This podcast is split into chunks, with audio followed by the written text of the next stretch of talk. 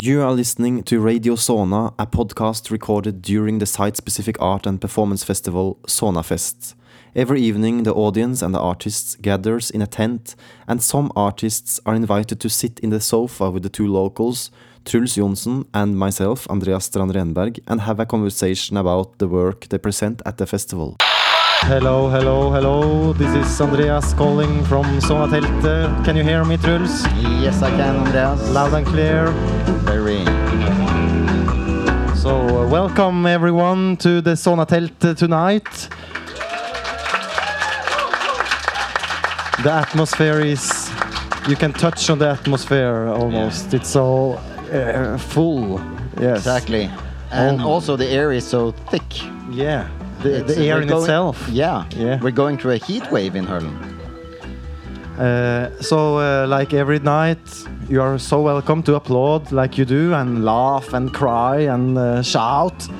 Uh, uh, but Especially shout. shout, yes. If you are Shout like a German, German? you can shout. Ah.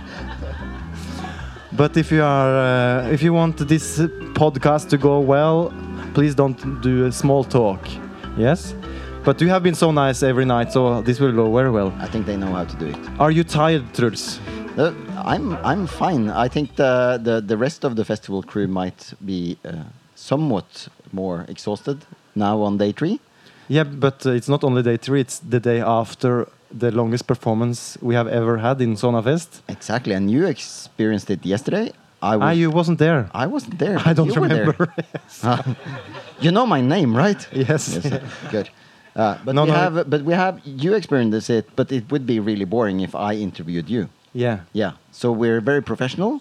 We've been to a podcast course after all. Yes. So we brought in guests today, Very well. So like we do every night. yes, and uh, uh, so uh, because it was the performance, it was like four actors in uh, four rooms, and they are streaming down to the conference room where the audience is sitting, and. Uh, um, there in this room where the audience sits, it's also a phone that uh, the actors sometimes they call down to the audience to have some help. Uh, it was a really nice experience to sit there, and actually yesterday it was kind of a fight to get the phone. Everybody wanted to talk with them, and two of the people that was talking in the phone was uh, Emil uh, uh, and your surname I don't remember anymore. Martens. Martens and uh, Sigurd uh, Viskum. So, uh, how was it for you, uh, Emil? You were the first, first one to take the phone, But, wasn't but, you? but, but Ah. before they start, no spoilers, okay? ah, So don't spoil the experience for those of us who are going there tonight. very good. Yeah. Try that. We'll try. How was it uh, to be there in the spa hotel, Emil? I would say that this performance was like I, I was yesterday. I was uh, like uh, some of the artists came down afterwards, and I said like I, I tried to like express how I felt after watching the performance. I, I, was just I was at a loss of words. It's one of the most different things I've ever seen, and I- I can say the performance lasted more performance lasted more than five hours, and I was never bored, and I think that's that that says something. Yeah, because I, I, I thought that I was going to be able to go out sometimes to buy a beer or to relax outside. That's what I have told people coming. That you can watch the fjord, the sunset is so beautiful on the Son Spa. But I didn't want to go out either. And when I went out, I was so stressed to come back. Uh, and uh, Sigurd, you, you ended up uh, in a room at that point, didn't yeah, you? yeah, several several rooms uh, actually. Yeah, uh, it was. Uh, uh, first, uh, well, uh, it's it's difficult to explain that experience without um, without giving away too much. But uh, I would just recommend to anyone go there. Just go along with everything. It's. Uh, it might seem strange. It might seem scary. Uh, but just roll with it. and that, yeah, it, it, it turned out amazing and fascinating, uh, confusing, most certainly.